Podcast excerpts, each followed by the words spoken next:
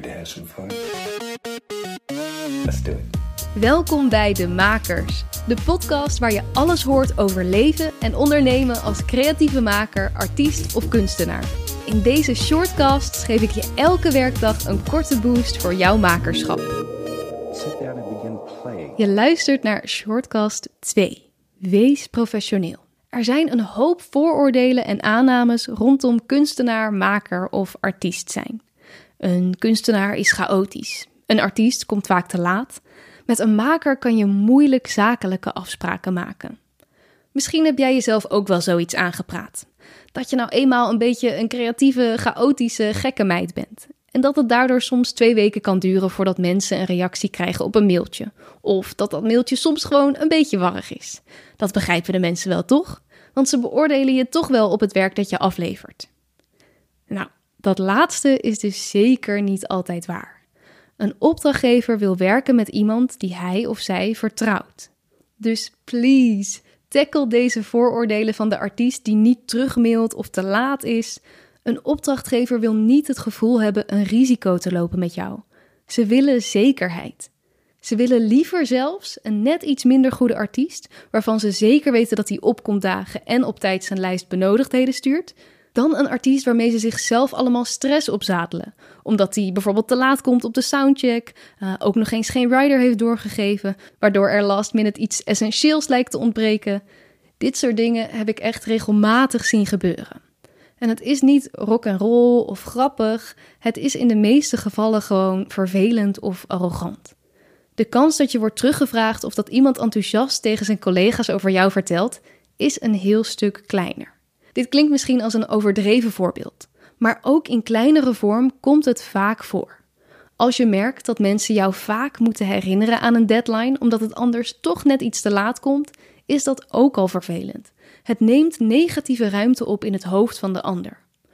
Nou wil ik niet zeggen dat je helemaal perfect moet zijn en nooit een fout mag maken, of dat ik zelf nooit ben vergeten een mail terug te sturen. Zeker niet.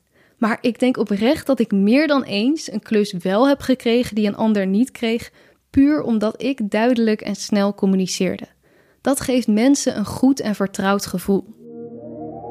Professionaliteit is ook op tijd vragen of er eigenlijk budget is en hoeveel. Niet pas nadat je al bent begonnen of zelfs de opdracht al hebt afgerond. Jij moet weten wat jouw prijzen zijn. Dan kan je er helder over communiceren. Hoe beter je dat van tevoren doet, hoe serieuzer mensen je ook zullen nemen.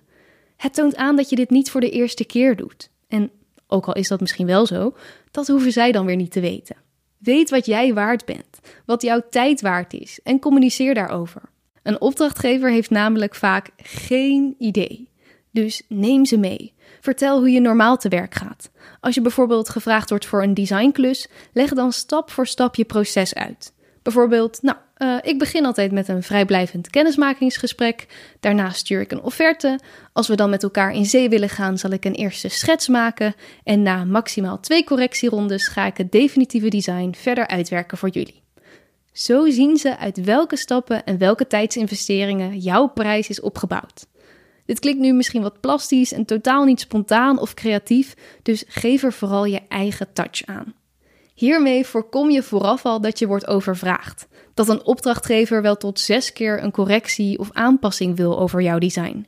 Hoe vaak ik zelf wel niet weer uren iets heb aan zitten passen omdat ik niet duidelijk genoeg van tevoren mijn grenzen heb gekaderd. Zoveel mensen in de creatieve sector krijgen nog steeds te weinig betaald, omdat ze niet goed genoeg voor zichzelf op durven komen of gewoon niet helder genoeg weten wat hun prijs is.